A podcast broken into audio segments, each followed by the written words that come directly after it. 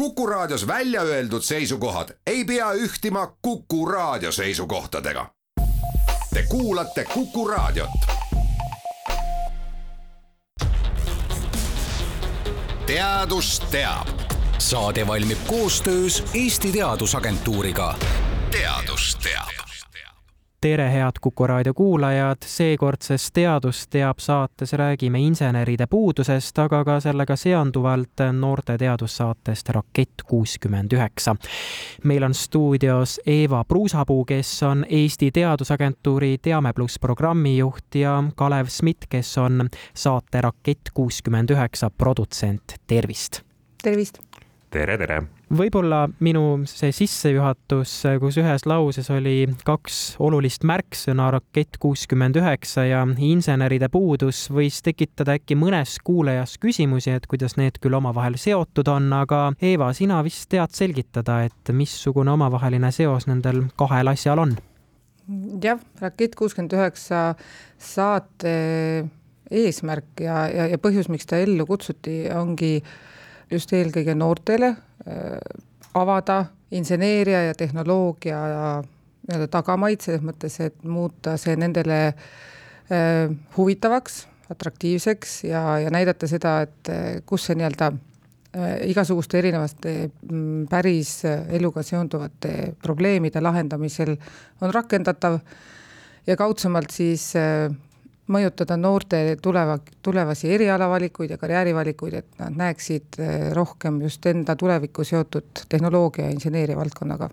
kus need põhjused aga peituvad, et eh, liiga paljusid noori siis ei köida tehnoloogia ja inseneeriaga seotud erialad?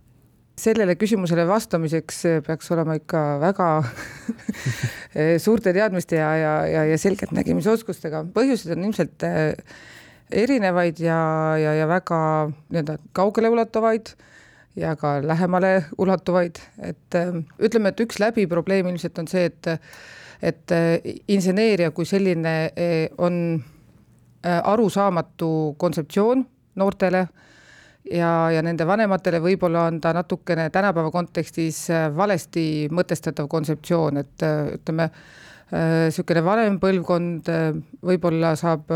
aru, et insener ja inseneeria, et see on midagi, mis on seotud niisuguse suure füüsilise jõuga, tihti väga lärmakas, ilmselt ka väga määriv, kindlasti on inseneril peas kiiver. Et, et väga sageli just nii-öelda vana, vana arusaama põhjal teostad, seostatakse inseneriametit tööstuse, tehnoloogia, ehituse, millegi mehaanilisega, aga et noh, tänapäeval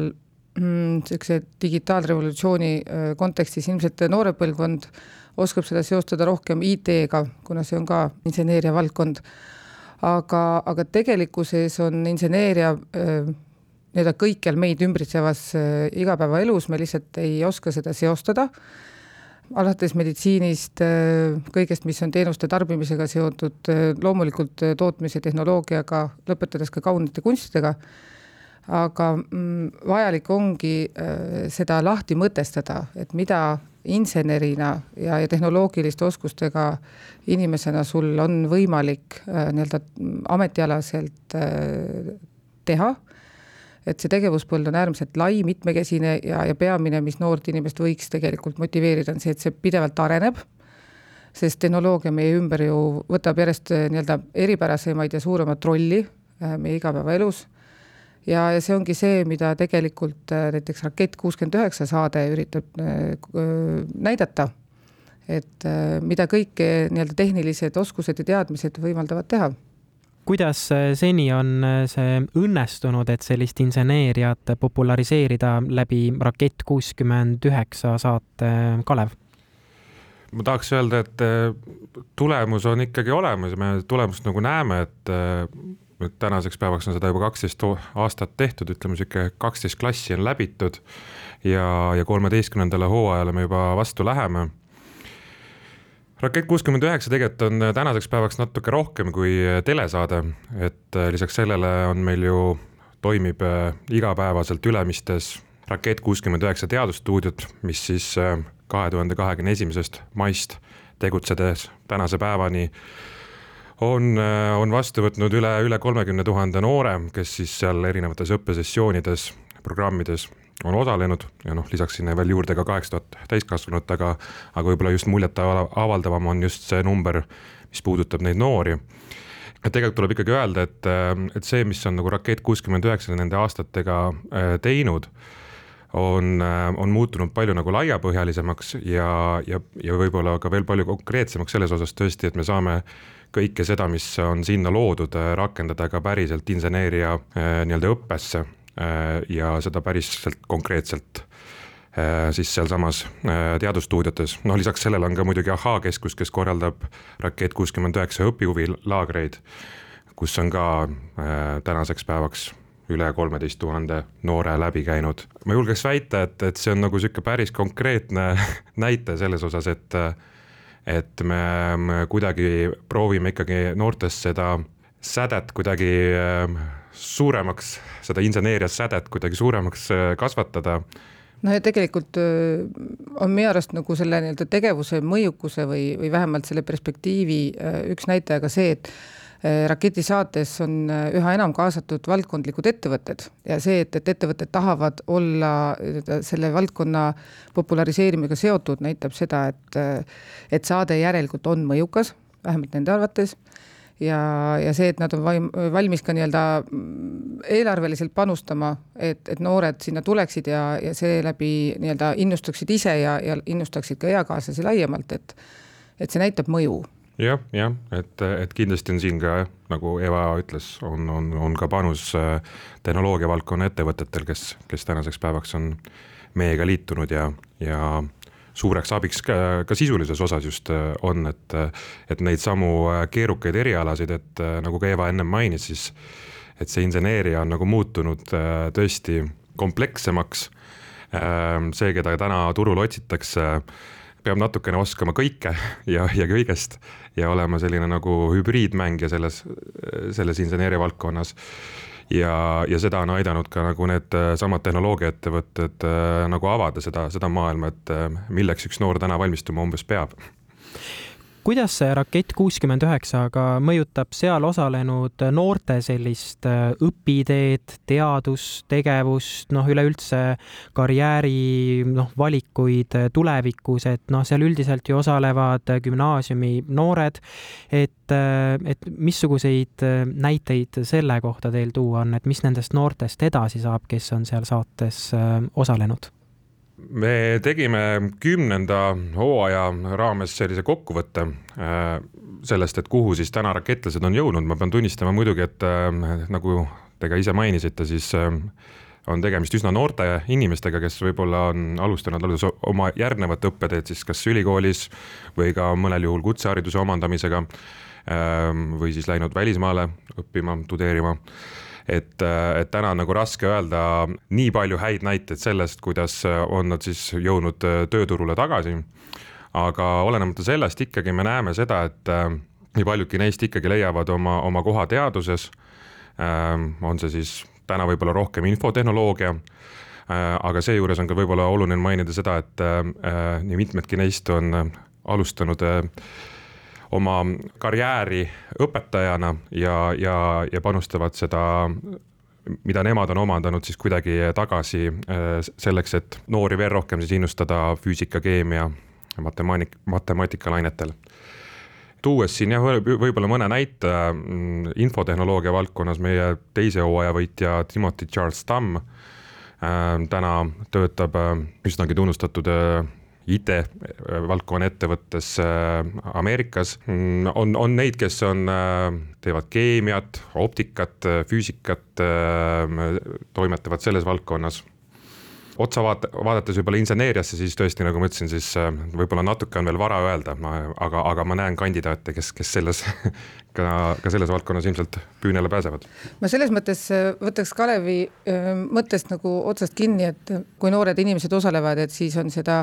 nii-öelda otsest mõju või, või selle nagu järgmise resultaate vara veel nii-öelda mõõta või, või, või kuidagi neid jälgida et see ongi nagu selle inseneeria populariseerimise juures ähm, noh, nii-öelda see, see keerukas moment, et äh, populariseerimise tegevuste tulemit äh, näha on ju alles mingisuguse nii-öelda ütleme ümmarguselt dekaadi jooksul, sellepärast et noort inimest suunates, tema nii-öelda teadlikkust tõstes ongi see tulem väljendub alles umbes kümne aasta pärast, sest siis on ta lõpetanud oma kas kutseharidusõpingud või, või, või kõrgharidusõpingud ja siirdunud tööturule. Noh, ja ütleme nii-öelda, kui erialavalik jah, mingil määral indikeerib tema suundumust, et kuhu ta siis nii-öelda tööturul äh, plaanib suunduda, aga see, mida ta tegelikult seal tegema hakkab, et see, selle nii-öelda ilmnemine on väga pika ajavinnaga ja, ja see on see, mida noh, mis ennast ka nagu tihtipeale nörritab, et pingutad ja, ja pingutad ja tegelikkuses. aga, aga see on see, aga, aga see on jah, see tänane nagu paratamatus, et noh, üldse haridusvaldkonnas toimetades see on see, et me näeme seda tulemust alles nagu võib-olla kümne aasta pärast on ju see, mis on täna tehtud panus. ja, ja selle tõttu on ka tihti nagu meil nagu raske võib-olla mõista on ju haridussektoris üldse, et äh, miks me peaks just täna nagu mõtlema selle peale, millised on meie õpetajate palgad, kuidas. Äh, et miks me peame täna mõtlema selle peale, kuidas äh, lahendada ühiskonnas ära see pro probleem, et üldhariduskoolides ei ole piisavalt reaalaineõpetajaid. et miks need on täna olulised probleemid et sellepärast äh, ma saan täiesti nagu aru ka, ka nendest, kes on nagu otsustajad, et äh, kuidagi raske on võib-olla mm, visualiseerida seda, mis toimub äh, noh, kümne aasta pärast ja kuidas siis see tänane tegu mõjutab seda, mis seal siis toimuma hakkab, on ju. Mhm. no selle võrra tänuväärsem on see, et, et, et raketinoored on mõned siirdunud õpetajaks, just üldhariduskooli õpetajaks, sellepärast et see, see on selles mõttes ähm, äärmiselt altruistlik samm Äh, sest nii-öelda ametiga rikkaks ei saa, küll aga saab tugevast tööstressi ja, ja läbipõlemissündroomi. Aga, aga see, see näitab seda, et, et noh, et noored näevad äh, seal seda oma mm, võimalust panustada äh, selle valdkonna edendamisse aga kas tung sinna saatesse on selles mõttes suur, et mismoodi nende huvilistega on, et on neid vaja justkui tikutulega taga otsida või saab selle seltskonna üsna lihtsasti kokku? Väga hea, et sa sellele tähelepanu juhtisid, et, et võib-olla see on üks näitaja sellest, et, et tõesti asi hakkab vilja kandma, et ähm, tung on äh, täiesti arvestatav äh,, just sellel aastal äh, oli meil niimoodi, et noh, tegemist on erandlikuma hooajaga, kus me võtame vastu siis lõpuks kaksteist võistlejat eelneva viieteist asemel ja rekordiliselt ilma igasuguse suurema kampaaniata registreerus siis äh, sada nelikümmend kuus noort, kes, kes selles asjas siis osaleda soovisid. ja tegelikult ongi see aasta-aastalt on see number läinud kõrgemaks ja, ja me oleme siin natuke ise ka seda eksperimenteerinud just seda, et kui palju me siis peame seda kuulu-, kuulutama välja, et, et me nüüd jälle avasime selle vooru. ja, ja, ja selles mõttes on see tõesti kasvav, jah aga eh, Rakett kuuskümmend üheksa uus hooaeg on siis eh, algamas eh, selle nädala lõpus, laupäeval siis on eetris esimene saade kolmeteistkümnendal hooajal. Eeva Pruusapuu ja Kalev Smit, suur aitäh teile tulemast Kuku raadiosse! aitäh! aitäh! teadus teab. saade valmib koostöös Eesti Teadusagentuuriga teadus teab